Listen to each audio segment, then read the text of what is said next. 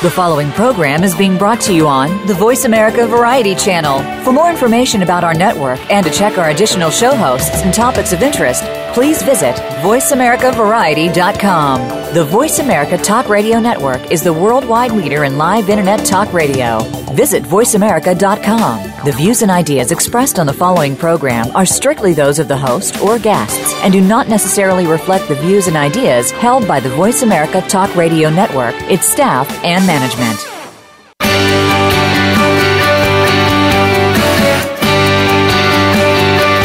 Stay ahead of your competition, a lot of your success rises or falls based on your current marketing plan. Get ready for the Mojo Marketing Edge radio show. Today, hosts Ira Rosen and Corey Michael Sanchez will open up your awareness of the many different ways to market your business and reap major results. Now, here is the team behind Mojo Video Marketing Ira and Corey. Hello, hello. Corey Michael Sanchez here. This is the Mojo Marketing Edge radio program. We are mojoglobal.com. Check us out. Go to our website. We've got all kinds of great information on lead generation, building relationships, closing deals, and all that. We also got Mr. Ira Rosen over here. Say hello, Ira. Hey, hello, everyone. Boy, have we got a treat for you. Uh, we're going to knock your socks off. So I hope you're wearing an extra pair. So grab pen and paper. Turn off your cell phone. Get focused. If you got a TV there, turn that thing off as well because we're going to bring you some nuggets that are so big you're going to need a wheelbarrow to take them take them with you, right, Corey? yeah, very colorful, Ira. Very nice. So yeah, absolutely. So it's going to be a great show. We got two great uh, guests on today. Uh, let me go ahead and dive into our first guest. Um, his name's David Hancock. He's the founder of Morgan James Publishing. He's the chairman of Guerrilla Marketing International, and he has co authored 12 books, including Guerrilla Marketing for Writers. And that's a whole big brand. I, I guarantee you, if you're in the entrepreneurial realm and you've definitely read one of the Guerrilla Marketing books, and um, you know he's re- he's also been a part of the entrepreneurial author, performance-driven thinking, and uh, the Nasdaq cites David as one of the world's most prestigious business leaders, and is reported to be the future of publishing. Very exciting stuff here. So we're going to talk a little bit about publishing. We're going to talk about marketing strategy. You know, um, David also is on the executive board for Habitat for Humanity uh, Pens- uh, Peninsula of Greater Williamsburg. So he's got some really great stuff he's doing um, with with some of the uh, the the nonprofits he's involved with and some of his other causes, which are fabulous. So let's dive right in. David, are you there? I am, and man, what a privilege it is to be here. Marketing is like my favorite word in the entire dictionary. That's awesome. Ours too. Ours too. It gets us uh, very excited every day because you know it's a new challenge. Things are constantly changing, and uh, you know, and, and I'm sure over the many years that you've been, you know, uh, a marketer, you've been in publishing. I'm sure you've seen just tons of things just kind of change. Certainly, the publishing world has changed a lot. So tell us. Let's start from the beginning. I mean, what got you into the world you're in right now, publishing and all of that? That's actually a really good question, and, and you're not going to be surprised by the answer, but it was marketing. I was actually a banker back in the 90s, and I was doing well. I mean, I was fat, dumb, and happy, never imagined doing anything else, but I, like maybe many of your listeners, I had a thousand people that were doing the exact same thing that I was doing in my community, so I needed to stand out. And so I studied everything from, you know, sales conferences to books and home study courses, all the big gurus, you know, over the time, including the guerrilla marketing. And I ended up meeting Jay Conrad Levinson. And one of the things that stood out for me was a book. And there's a big long story about how I got there. But anyhow, Jay encouraged me to write a book. I ended up writing a book and I doubled my income as a banker. And I became very passionate about, wow, guerrilla marketing is awesome. And then I thought the book was the single most powerful weapon I had in my arsenal that I just became very passionate about the book. And then one thing led to another. I spent more time playing with books than I did with, with uh, other people's money. And well, then I started the company. right on. That's awesome. So you were a reformed banker turned uh, turned marketing and publishing executive, which is really cool because I mean, honestly, when people think of bankers, they kind of think like you know stuffy, you know, gray pinstripe suits, you know, sitting in his leather chair, kind of like the equivalent of an ivory tower, and uh, you know, waiting for other people to come to them, right? So. Um, but you know, it, it's great that you kind of dove right in. You understood that the, that uh, you in order to get more business, you had to market yourself, which I think is something that's kind of rare for bankers, don't you think? It really was, and that's part of the reason I ended up being as successful as I was because I looked at it differently. I looked at it from the customer's needs and how could I add value without getting in their way, and how could I help them meet their goals, and how could I be a resource for them, where all the other guys, just like you said, were sitting back waiting for it to come to them and trying to charge them as much as they can without running them off, and I just wanted to create value. You, you know, I got to say that's really unusual for a banker to have that entrepreneurial mindset of marketing because, like Corey mentioned, you know, all the bankers that we know, they they just, you know, it's kind of like a left brain, right brain, and they they really don't get into the emotional side of marketing and understand that. So, when did you when when you got into what you're doing now? When did like that you you had that aha moment when you knew that wow this is this is exactly what I was supposed to do. So it, it, I, am sure that's I'm I'm just curious. What, you know, what did that feel like, and when did that happen? you know, it's actually a, a, a, slow process, and it took a little bit of patience from Jay Levinson. I ended up hiring him as a coach. So he's the father of guerrilla marketing, and he, you know, very very carefully shared with me that I was doing all the right things. In fact, I ended up realizing I was a guerrilla and just didn't know it. I was leveraging my time, my energy, and my imagination, and I was doing unconventional things all for the, the sake of getting conventional goals, you know, profits, clients, those kind of things. But he, he very lovingly said three things to me. He said, David, if you wanted to charge more and negotiate less, I mean, like who wouldn't? He said, you got to keep doing what you're doing because it's working. But he said, you need to add one more thing. And I'm like, yay, tell me. But he didn't tell me. He went on to say, well, also, David, if you wanted to have the people that would never give you the time of day, you know, the big clients out there that you wish you could do business with, if you wanted them banging on your door to give you their business and give you their money, you got to keep doing what you're doing and you need to add one more thing. And I'm like, dude, tell me. But he didn't. He went on to say one more thing. He said, David, if you wanted the media to call you when something happened in your space, um, you need to keep doing what you're doing, but you need to add one more thing. And at this point, I'm ready to strangle the guy. I mean, I, I, I mean, I loved him dearly, but I was like, dude, you've got to tell me what it is.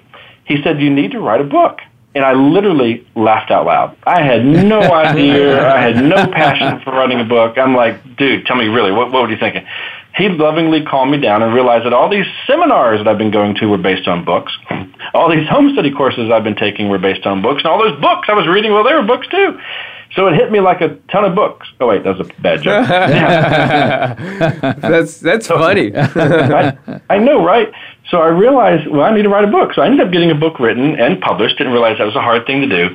And what happened was amazing. In less than eight months, I went from being a very successful hustler in a good way to literally doubling my income and becoming all those things that Jay told me that I would. I literally doubled my income. And what I did is I stopped negotiating my fees and I raised all my fees. And sure enough, people that would never give me the time of day started to bang on my door. And lo and behold, the media called me when something happened in the space because I was the only Yahoo in the area who wrote a book. It was laughable. But that's when I became very passionate about, wow, there's something to this authority piece. There's something out there related to a book that entrepreneurs and business people could really grasp to to get that extra edge. Because in today's environment, we all have to do something different than what we used to do years ago, and the book was was the key for me. It was just amazing. What was, uh, by the way, what was the name of that first book you wrote? The, this is where this is why I started the publishing company. I didn't even like the title. Uh, the, the original book was called The Secrets of Master Marketing, and I don't even remember the subtitle, but the subtitle kind of built in the banking side. But when I originally published, uh, I lost all all creative control. So the publisher ended up titling it. I didn't even like the cover, and the uh, they had added chapters to the book. But then when it was all done, it's like go out and sell it. But I was still able to leverage it. and It ended up doing really, really well. But I, I think it could have been better. but my second book was called Guerrilla Marketing for Mortgage Brokers. I ended up convincing Jay to co-author that book with me, and that one did real well. I ended up selling 40,000 copies to the bank I worked for, so that, that was great. nice. That's a nice in way. So, so let me ask you this. I mean, um, by now, you know, you've got a publishing company, you've you put together just tons and tons of books. You know, so let's just say somebody's listening and they're like, okay, I need to write a book, right? Um, you have them sold on that, you know, what how do you get one done quickly because this is probably one of the things that you know i think a lot of people are, are sitting on books or mini books that they've just never gotten around to writing right? And um, you know, Les Brown once said that the uh, Ira, where's the uh, the richest place? It's the oh, the richest place in the world is the graveyard because you get all these amazing ideas, concepts, and visions that never get implemented, and the Wow. the ideas die with them, and it's all in the graveyard, which is what a what a crying shame that is. And so it's all about speed of implementation. Yeah, so let me ask you this. I mean, how does one get this done quickly? Because it's, you know, for me, it's it's a terrible thing to, to waste the knowledge and the the expert level, um, you know, wisdom that people have by not getting their book out there. So how does one get that done quickly? You know, the easiest thing to do when that when that comes up is for me just to encourage people to not think about the book.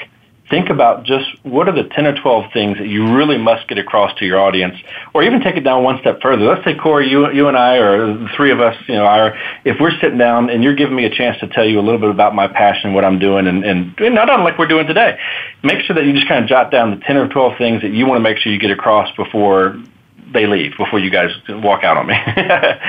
and then go through each one of those topics and you can literally just sit in front of a computer and you just kind of tap out just some quick little notes, a couple items underneath one of those, each one of those little topics um, as far as an outline or what you want to talk about.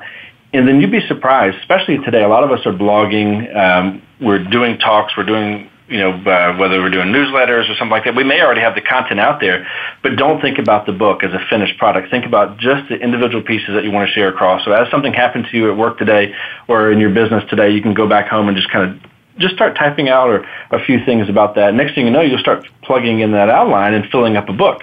Don't worry about the order. Don't worry about the edit. Just get the text out. Many of us authors, myself included, have, have even recorded our books. I've given a presentation. Um, heck, you can even call your mom if you want to and just have her listen to you and just record the whole thing if you need to talk it out. But you can record the book uh, or your text and then have somebody transcribe it and send it back to you. The key is to find a really good editor to make sure that you sound good, but there's all different kinds of ways to get it out. So you could interview yourself. You could you could have somebody interview you. You could just type it out. Another great way is uh, we've seen a number of authors do webinars where they'll actually go through an outline and give a presentation through a very organized webinar, record the webinar, and have that transcribed into a book. It's it really can be easy if you don't think about the elephant you're trying to eat. Just think about the little bites of information that need to go inside of it.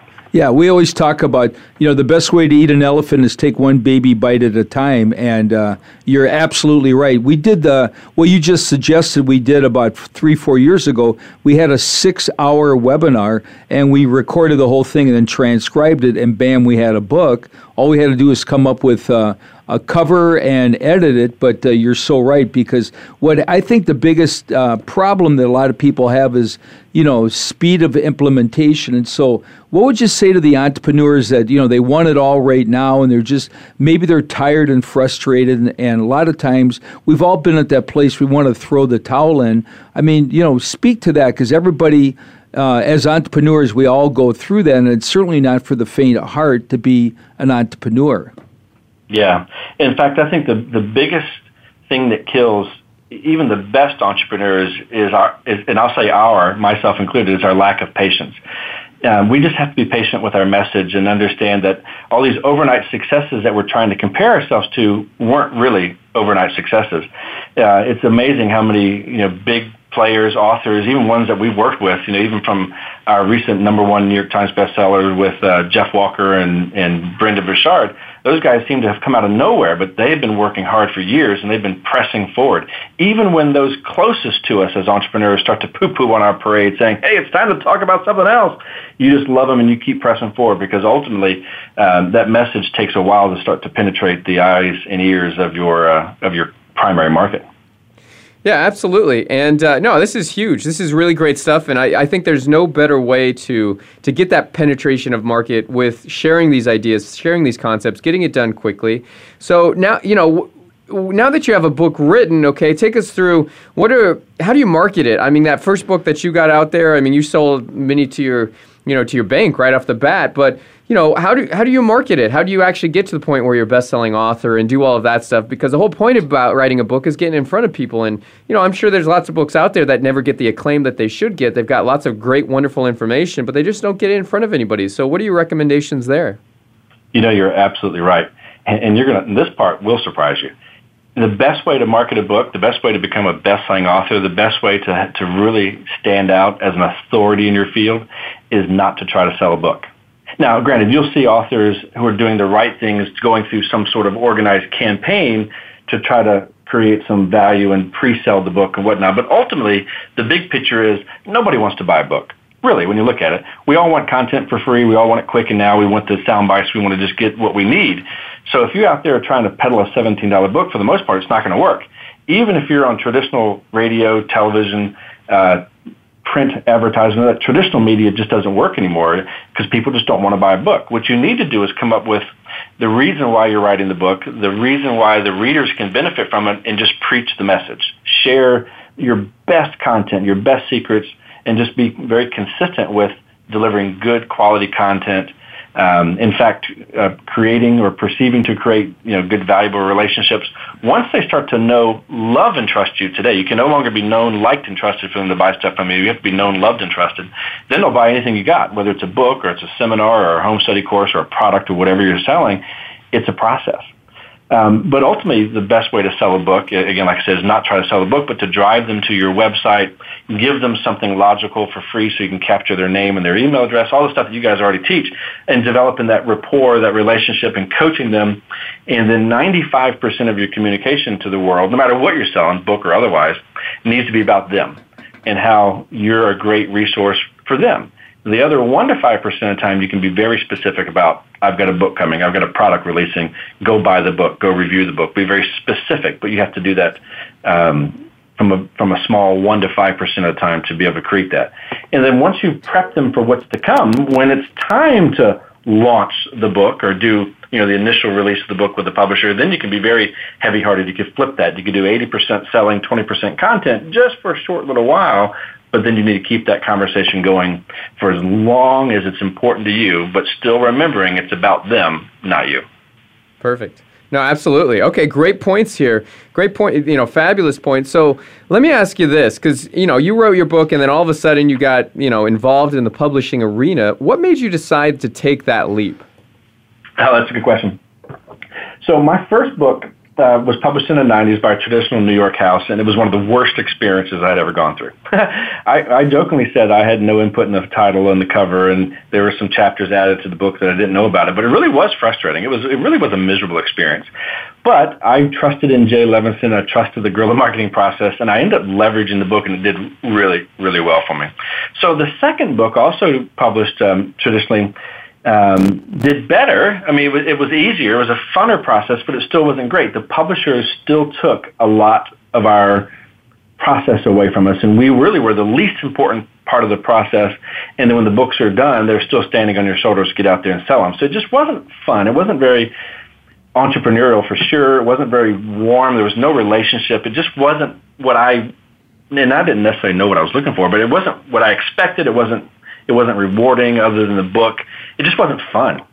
So I ended up self-publishing two books over the next few years, and I I really enjoyed being in control of everything. Not that I'm a control freak, but it was up to me what it looked like, tasted like, felt like, smelled like, when it came out, what price. All that was up to me. It was great.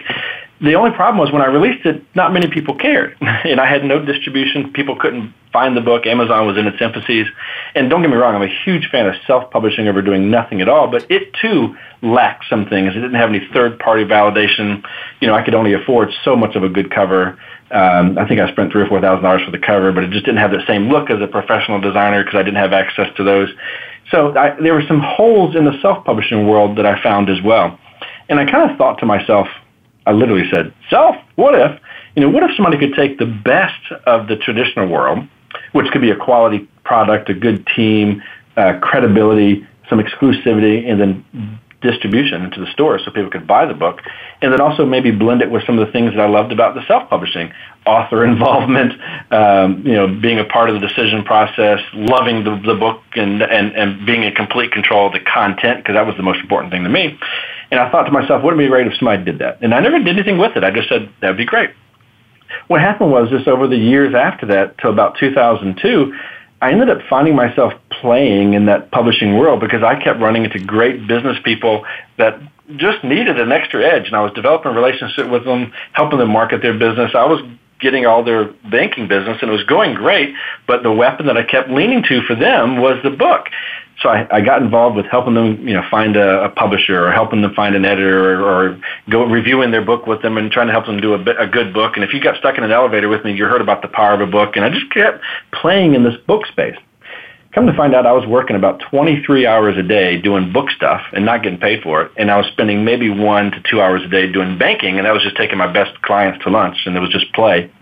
My wife finally cornered me and said, You know, you're working two full time jobs. I'm never seeing you. We have two small kids. Something has to change. well, we and, recognize. And we're gonna oh. actually we're gonna take a short break. And David, when we come back, we're gonna share exactly what that change was. We're talking with David Hancock, publishing Kingpin over here. We're gonna be right back after j- this short break.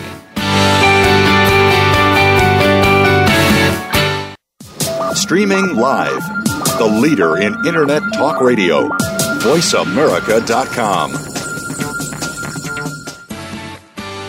There is always one thing that will take your business from where it is right now to where you want it to be. One thing that determines the difference between failure and success. That one thing is leads. If you don't have leads, you don't have a business. Leads are like oxygen. Ira and I are going to show you 10 proven ways to generate an unlimited supply of leads. We are going to give you private access to our proprietary system for free. It's called Mojo Lead Mastery. This program guarantees you will never have to wonder where your next leads are coming from. Let's start creating the business you've always wanted and deserved. Let's get those leads fired up right now. You can start using our 10 award winning tactics and tips. Go to mojoleadmastery.com to get your free trial in the Mojo Lead Mastery program. That's mojoleadmastery.com. You take the first step, and we'll take the rest with you.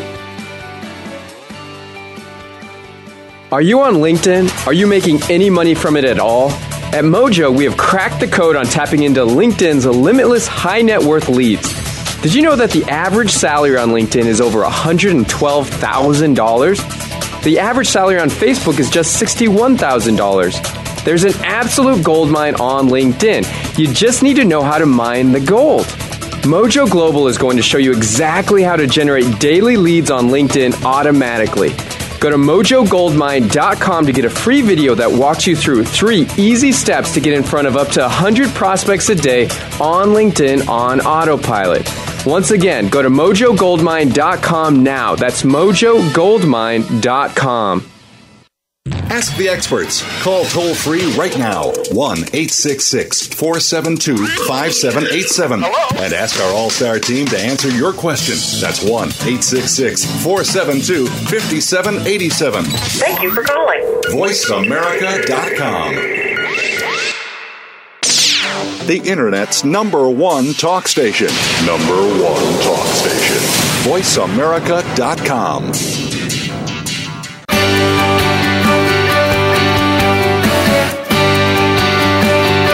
are listening to The Mojo Marketing Edge. To reach the show today, please call 1 866 472 5788.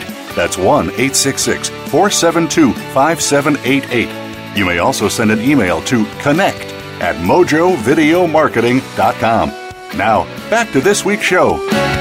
And we're back. Corey Michael Sanchez here at mojoglobal.com. Welcome to the program. We're on the air with David Hancock, who's talking about publishing, publishing books for authors, and how do you get it done quickly and all that stuff. And so he left us at a cliffhanger moment. He was talking about the the very moment when if when his wife came to him and said, you know, I'm going to leave you unless we make a change in what we're doing now. So, David, I'm going to turn it back over to you. Tell us what happened.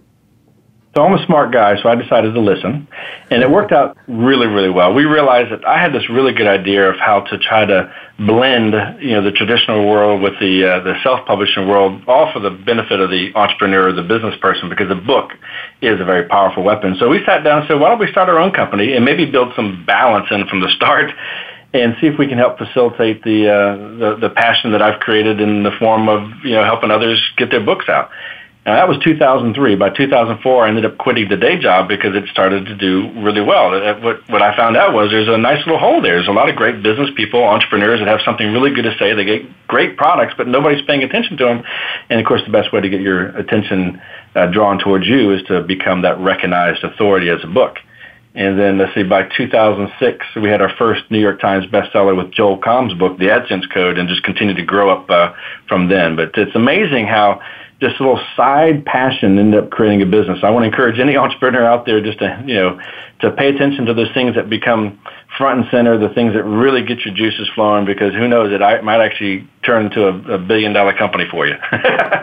you know, you bring up a really valid point here because, and we talk about this all the time in Mojo, is, you know, it's all about having, you know, persistence, hanging in there, being focused. And, um, you know, recently the Harvard Business Review did a big article on the two number one reasons why businesses fail. Number one, they don't start the journey. And secondly, they give up way too soon. So maybe speak to that a little bit because I know that you've been through, you've had your struggles like we all have. And just, you know, talk about hanging in there and mindset and being mentally tough and having discipline. Those are, I think, the cornerstones of being a successful entrepreneur, along with skills and everything.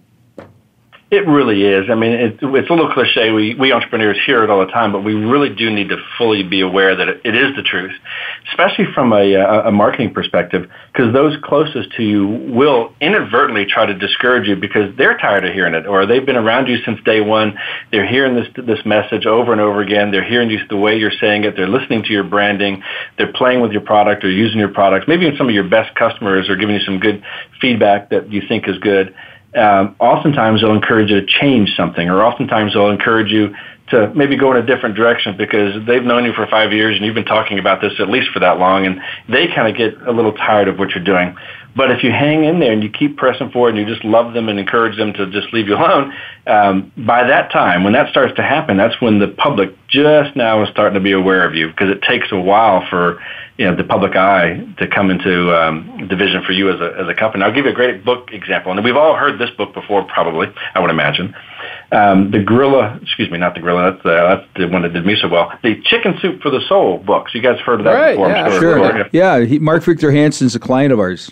Yeah, Mark, I love Mark, and, and he and Jack Canfield, you know, came up with a great concept with the book Chicken Soup for the Soul, and it was published. Uh, they had a hard time finding a publisher, which is not uncommon, and they released the book, and they did everything right. They were doing everything right. They were doing everything that a successful author was doing in their in their time when it came out, and they they were hustlers. They stuck with it. They pressed the message. They they provided value. They did great interviews. They talked about the book. They talked about why you why you should care, and they literally pressed on and on and on and on for over 18 months.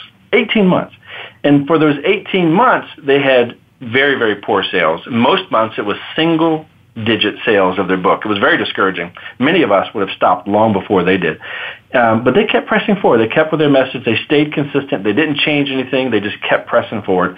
And sure enough, one day, one reporter at the New York Times got a copy of the book and realized, wow, that's a really good book, and kind of described it in a slightly different way in an article that he wrote in the New York Times and said, hey, this is what it's about. This is why you should care. And this is why I love it. And the next thing you know, they've been on the New York Times now ever since. Almost a billion books sold. Whoa. So the key is just to stay pressing forward no matter what you're doing, writing, or selling. That's awesome. So, and you know, I know that's one of the things that you really do with the people that you work with, and and uh, at Dave, you know, at your at your publishing company. So, you know, we're going to wrap up here, but you know, what any final messages to people that are thinking about writing a book? They are writing a book currently, or or in motion on that. What what do you? Any last thoughts on that? I would definitely say complete it. You'd be surprised the powerful book. It it sounds it sounds like it certainly couldn't be that powerful, but it really can be. The book is a very powerful tool. So even if you're just an entrepreneur or a go getter or a business person that wants an extra edge, I would highly encourage highly encourage you to throw in the weapon of a book into the mix. And even if you need some help doing it, it's, it's worth the time and money you might spend in an editor or just an effort to write it because it can be an amazing tool. I mean, for me, I was already making well into six figures as a banker, never imagined doing anything else, and I doubled everything literally within eight months. It was amazing. And I say it was probably overnight because when I started talking about the book was when I got the book in hand. so it was almost overnight. But uh, it is a powerful tool. So I would encourage you to, to think about it and pay attention. There's a lot of people that are releasing books and you might be wondering why and the next thing you know, you'll see them in, in three more weeks doubling all their fees. You, you could do the same thing. I love it. All right, well, good. So if you've got a message to tell, if you are very passionate about this message and want to get it out to the masses, then writing a book is in your future. So if they want to uh, take a look more at what you do and how you provide services in the book arena, David, where should they go? best thing to do is you could follow me on Twitter at David Hancock, or just come on down to morganjamespublishing.com and learn all about our our services. And uh, we even have a self-publishing division for those of you that might not quite be ready for mainstream, but I'd be glad to help out in any way that I can. Love it. All right, there you have it from David Hancock, publishing Kingpin over there. Thanks so much for being on. We appreciate uh, the message and, and helping so many entrepreneurs get uh, get the word out there and, and really educate and motivate and inspire many people across the country and across the world. So thanks very much for what you do. We are um, going over to our, our next guest over here. His name is Brad Costanzo, and uh, this is very exciting. You know, this is another great, exciting guest here.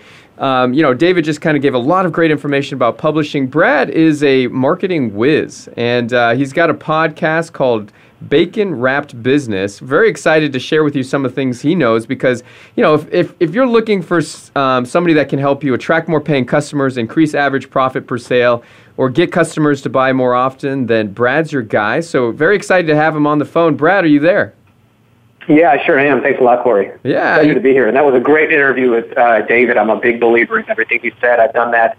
I've published about eight uh, books right now for previous clients of mine, and I can attest to the fact that it is a very, very powerful uh, strategy. Yeah, love it. it. No, it is very exactly, and so it's a it's a great way to be seen as that expert. And I know that's one of the things that uh, that you've done, you know, many times over the years because you specialize in you know helping people build a si- sales pipeline or putting together proven campaigns, marketing strategies, and all that stuff you know, so this is, and, you know, then this is all based around the things that you excel at great copywriting, building great landing pages that attract interest, get people to take action, move on to the next point, build a relationship, and all that stuff. So tell us a little bit more about, you know, how, how did you get started in the marketing arena? Because I know you kickstarted around 2008. Tell us about how it all began, began for you. Yeah, you bet. So my my most of my career, I'm 41 now, and most of my career was in sales. So it was I started off right out of college selling advertising sales for a local television station, you know, working with local businesses, selling airtime. Then I worked with I became a financial advisor, and most people may not know this, but most financial advisors are not necessarily ex- experts in financial advice, but they're salespeople. They have to get out there and convince people to let them manage their money. And um, both of these uh, skill sets, I'm sorry, both of these careers involved a lot of uh, cold calling, cold knocking, just getting out there, you know, nose to the grindstone and trying to sell. And I was good at it, but I hated, hated, hated prospecting. And I knew nothing about generating leads and marketing because, you know, sales and marketing are usually used, you know, in the same sentence. And there's a reason for that. Marketing generates the leads for the salespeople to close them. And here I was, you know, I was in my 20s. I didn't know what I was doing. I was just going out there and you know really getting burned out on something that I was that I liked, which was the persuasion and sitting down and helping people and closing deals. So fast forward to yeah about 2007 and 2008 and it was uh, you know right when everything was kind of going down the company that i was working for laid me off and i was good at sales but still i didn't have that that marketing knowledge i happened to stumble across the Four Hour Work Week by Tim Ferriss, which has inspired a lot of entrepreneurs. And it really, it, it didn't inspire me to say, hey, I can make a bunch of money and work four hours a week. But he talked about the ability to use online marketing uh, methods and techniques in order to to create businesses, to create leads, to sell, uh, you know, from the comfort of your home. And that just really excited me after years of being burned out just hustling. So I created a uh, a course online and I started publishing information and selling information products where I was never, I took myself completely out of it. I didn't even have to get on the phone or do in-person meetings and sell. I could literally make money while I slept, which was cool. But I used this as a marketing laboratory to kind of really understand what, you know, what is involved with creating a sales pipeline online and a marketing funnel. And I'd never heard those words funnels and uh, whatnot before until I got involved with uh, more like in, information marketing and more specifically direct response information and digital marketing.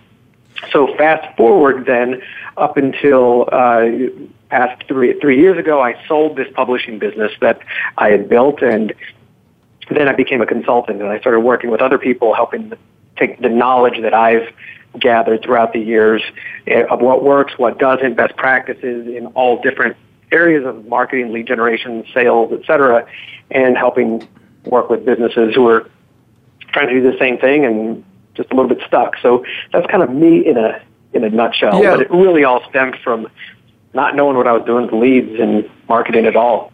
yeah, we oftentimes want to get better at things that uh, that we're not, you know we're not good at. We don't know, and just you specialize it. You do it over and over, and then all of a sudden, boom! Before you know it, you're a master. You know, Brad, I love what you're talking about here because this is the biggest pain point I think for all entrepreneurs, and you hit on it earlier. Is you know you be, you're passionate, you're excited, you're pumped up about your product and what you do, and the and the marketing or the you know when you got a cold call and all these things everybody hates it because we got a new normal now. And that new normal is we got a new economy things are different. And so uh, you know, people like yourself that are out there do, are doing such an important.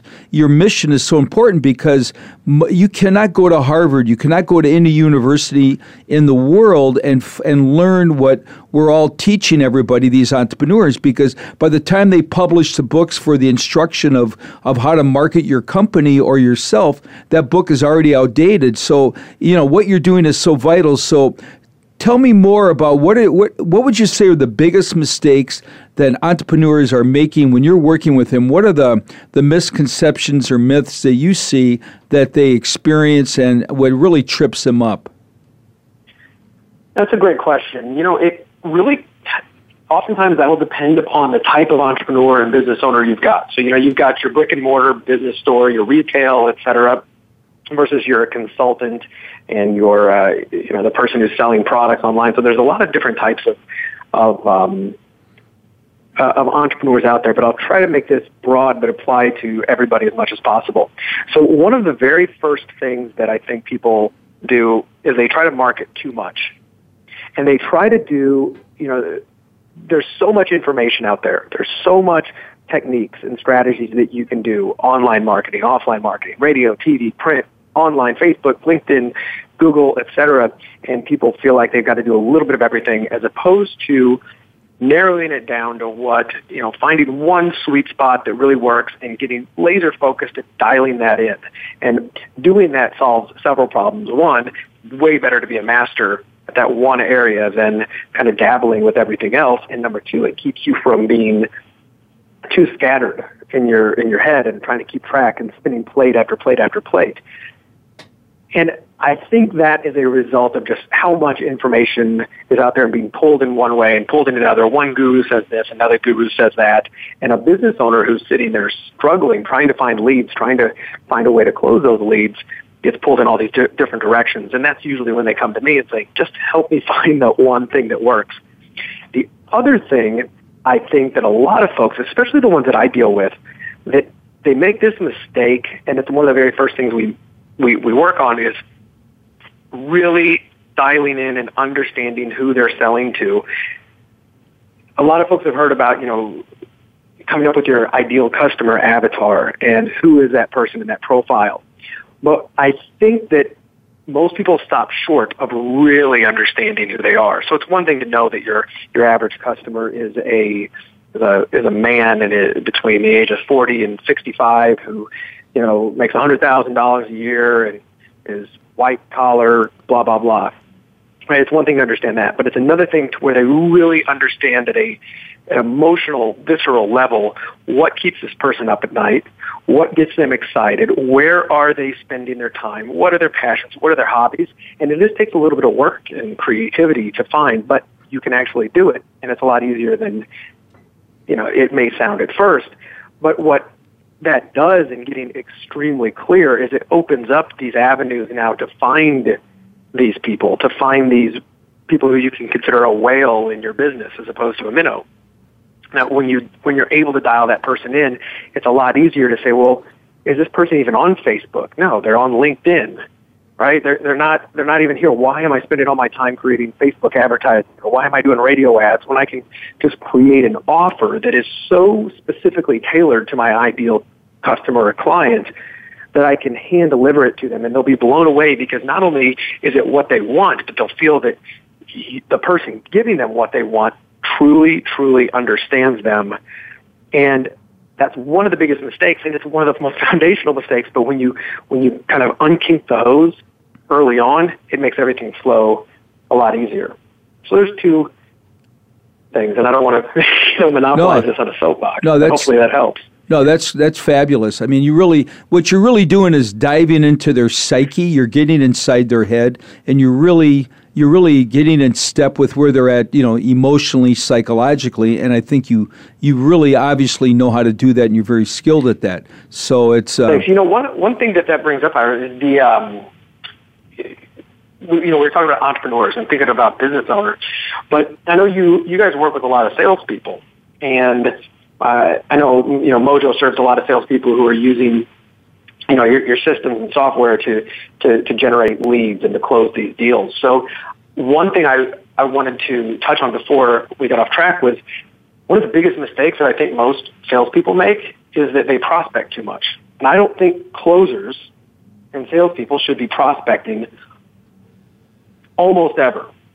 And what I mean by that is that they need to find systems, whether that's the, you know their marketing department if they're a big company, or hiring somebody else to to generate those leads for them, so that the only thing that salespeople and closers are doing is talking to interested and qualified uh, prospects and I'm not, and remember, qualified prospects is totally different than an unqualified prospect.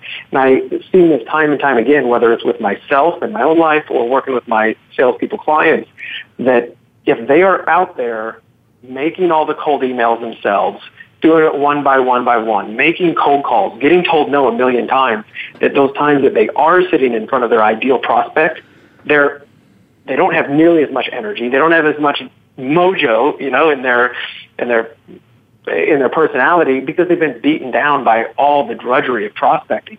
So one of the very first things that I tell you know my clients to do is get as automated or as delegated of a lead generation system as you can uh, because your sales percentages will go up immensely and so will your quality of life. That's awesome. And you know, if you're if you're a closer, hearing that is probably like music to your ears. You mean like I shouldn't be generating prospects? what? Matter of fact, we're gonna have to get a we're gonna get a testimonial from you on that sign sound bite when we see in a in a few days here. Yeah. Matter of fact, and we're gonna come right back with some more things about you know how do you actually qualify prospects? How do you get them to buy? How, what what does that lead funnel look like? Some some marketing secrets by Brad Costanzo over here, and uh, we're gonna take a short break. We'll be right back.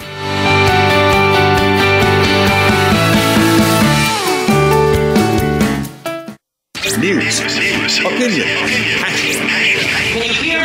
your voice counts. Call toll free 1 866 472 5787. 1 866 472 5787. VoiceAmerica.com. Are you on LinkedIn? Are you making any money from it at all? At Mojo, we have cracked the code on tapping into LinkedIn's limitless high net worth leads. Did you know that the average salary on LinkedIn is over $112,000? The average salary on Facebook is just $61,000. There's an absolute gold mine on LinkedIn. You just need to know how to mine the gold. Mojo Global is going to show you exactly how to generate daily leads on LinkedIn automatically. Go to mojogoldmine.com to get a free video that walks you through three easy steps to get in front of up to 100 prospects a day on LinkedIn on autopilot. Once again, go to mojogoldmine.com now. That's mojogoldmine.com. There is always one thing that will take your business from where it is right now to where you want it to be. One thing that determines the difference between failure and success. That one thing is leads. If you don't have leads, you don't have a business. Leads are like oxygen. Ira and I are going to show you 10 proven ways to generate an unlimited supply of leads.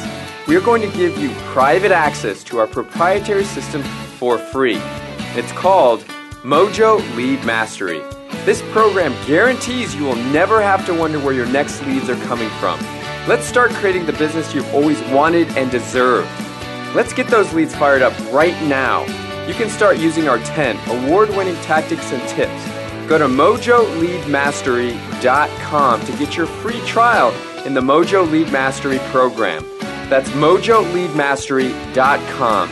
You take the first step, and we'll take the rest with you. Stimulating talk it Gets those synapses in the brain firing really fast. all the time. The number one internet talk station where your opinion counts. VoiceAmerica.com.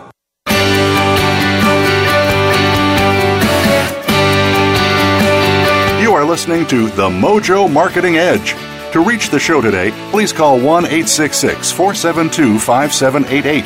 That's 1 866 472 5788.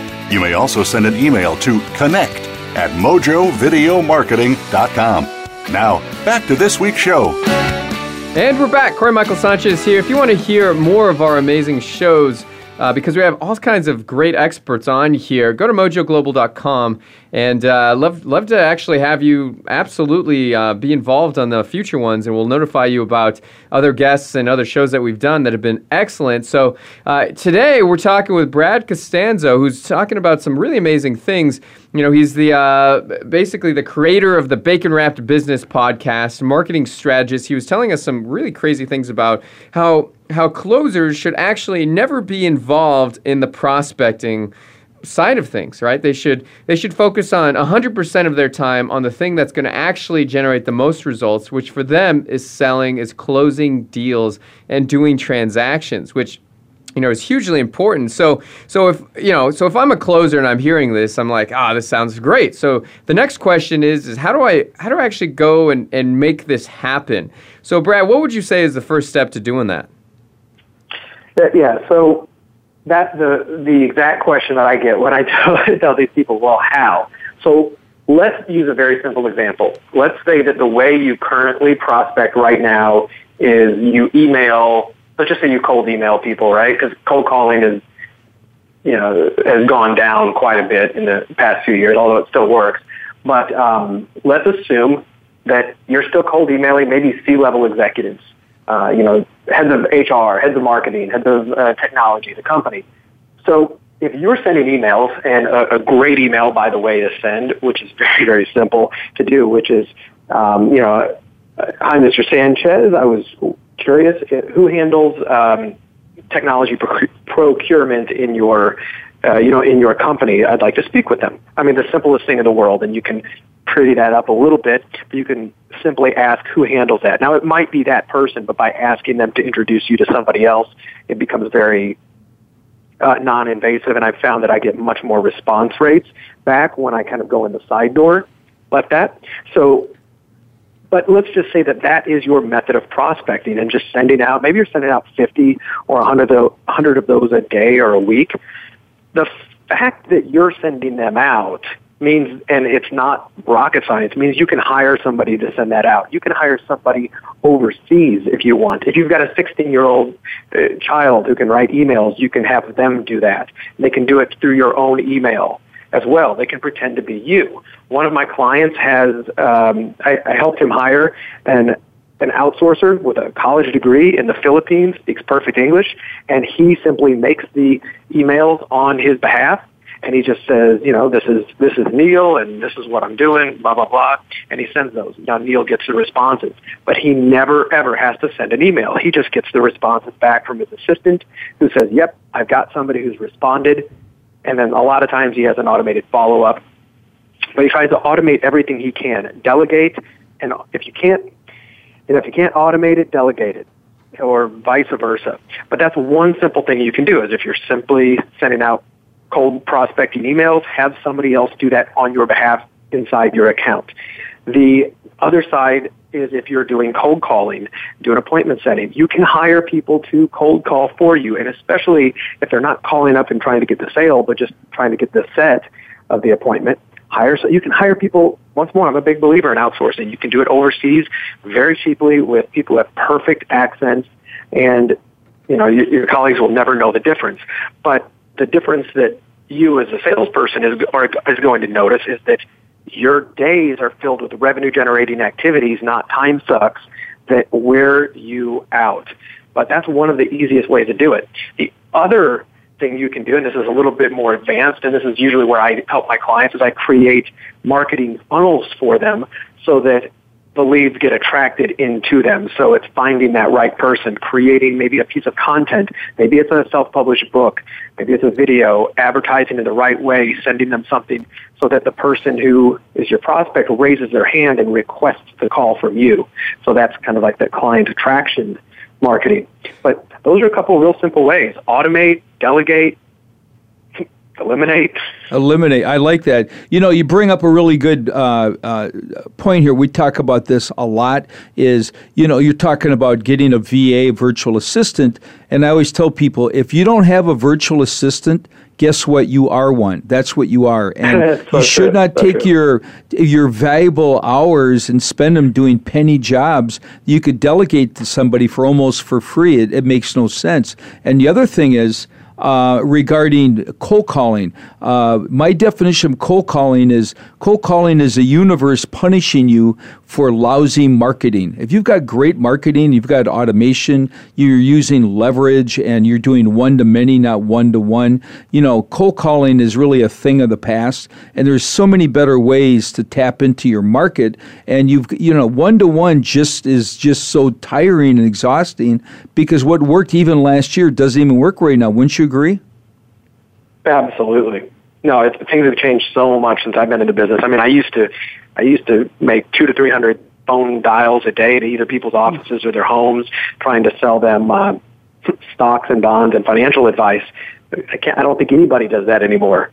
Um, and it, it's just such a such a grind that it, it ground me out of sales. Like I burned out on sales big time. I, I literally took several years off just building my little mini empire, uh, selling things online. I didn't want to talk to anybody, and it wasn't until I sold my business and I realized, well, I'm still good at this whole sales thing, but now I know how to generate leads.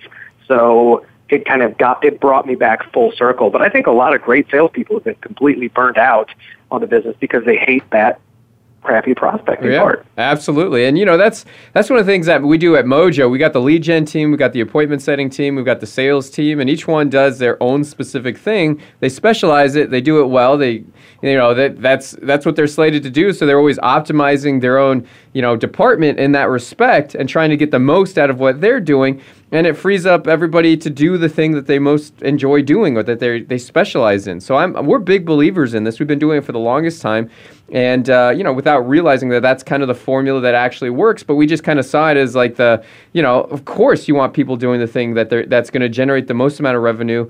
Um, for for for what they do, so no, this is phenomenal. And you know, a question for you is, you know, take take me through like a you know a campaign where you know it had like immediate results, and it was almost even surprising, you know, what happened to it. You know, tell us about some of your biggest wins in the campaign department, what that looked like.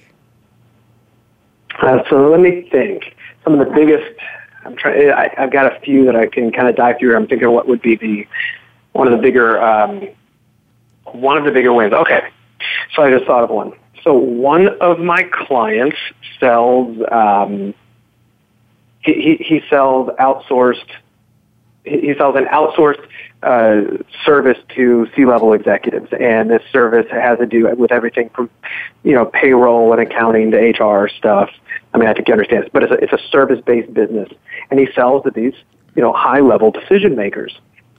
So, the campaign that we did there was simply, like I mentioned at the very beginning, which is um, sending out the emails, having his virtual assistant send out the emails in mass saying who handles X at your business, and he got he would get the the information back. Once the information got, got back, all of the replies, you know, the positive replies, oh, that's, you know, that's Joan in accounting or, you know, whomever that person was. Instead of calling up to try to make a sales appointment there, what he did was he had a, he had a book that he had written. So this ties in perfectly with David Hancock's thing. So he had a book that I actually told him to have written. Uh, he wrote part of it just by being interviewed by himself, and then the other part was really just kind of outsourced from you know, other good information that talked about really the top 10 to 20 problems and with their solutions that people in this in this uh, position face. And obviously, okay, well, here's the problem you face, but the solution is your, you know, do blankety blankety blank. And a lot of times, you know, his company would service, would offer these solutions. So instead, he had this book on. Uh, well, he was going to do this. We, we were going to put it on Amazon. He actually just had it printed out. He mailed the book to the person, and he said, "Hey, listen, I was taught so and so told me to get a hold of you, which is usually their superior, and I'm familiar enough with your company. Here's a book I wrote that helps people in your position, and there may be an idea on page 73 or chapter 4, whatever it was, that could help you in your business. Give me a call if this is interesting to you. So it was kind of a shock and awe. Like, oh my God, this person just sent me an entire book all about, you know, my, you know, the, the problems that I face. Wow. So it was a My great challenges. resource. Yeah, that's clever. Right. Thanks. So when I when I said he mailed it to him, he did that. Now that cost him money. He had to get the books printed. There's a much better way to do this, and this is one of the things he's working on, which is very simply publish it on CreateSpace.com with Amazon. So now you've got your book there, and it's print on demand. So now you can go in and buy that book as a gift. You can even gift wrap it and send it to that person. If you know the name of the company, you know their address. You you buy that book and you have Amazon send it to them one of the benefits, the double benefit of this is that A, uh, Amazon gets past every gatekeeper. And if it's gift wrapped, a lot of times the gift, the gatekeeper won't unwrap it, and they'll say, "Oh, something came from Amazon for you," and they'll just hand them the box. Yeah, I love it. Right? That's fabulous. That's ninja. Super smart. Well, this is great, and you know, I wish we had more time. We'd dive in and pick your brain a lot more. If you want to, if you want to hear more about Brad Costanzo and his uh, marketing genius, go to baconwrappedbusiness.com. That's his podcast. And if you want to see more about him specifically, go to Cons- costanzomarketing.com. All right. So thanks, Brad, for being on the line. Any last thoughts before we end? No, this has been a this has been a, a pleasure. I love what you guys are doing. I love your you know the, the Mojo leads and everything else. I think you guys are right on and helping a lot of folks out. I really appreciate you giving me the opportunity to come on and you know share my stuff as well. Yeah, you got it. Well, thank you, Brad. Thank you, everybody, for tuning in to the Mojo Marketing Edge. We're going to wrap this show up, but we'll see you next week where we're going to have some more amazing guests, marketing geniuses, talking about lead gen, conversion, and sales. We'll see you then. Adios.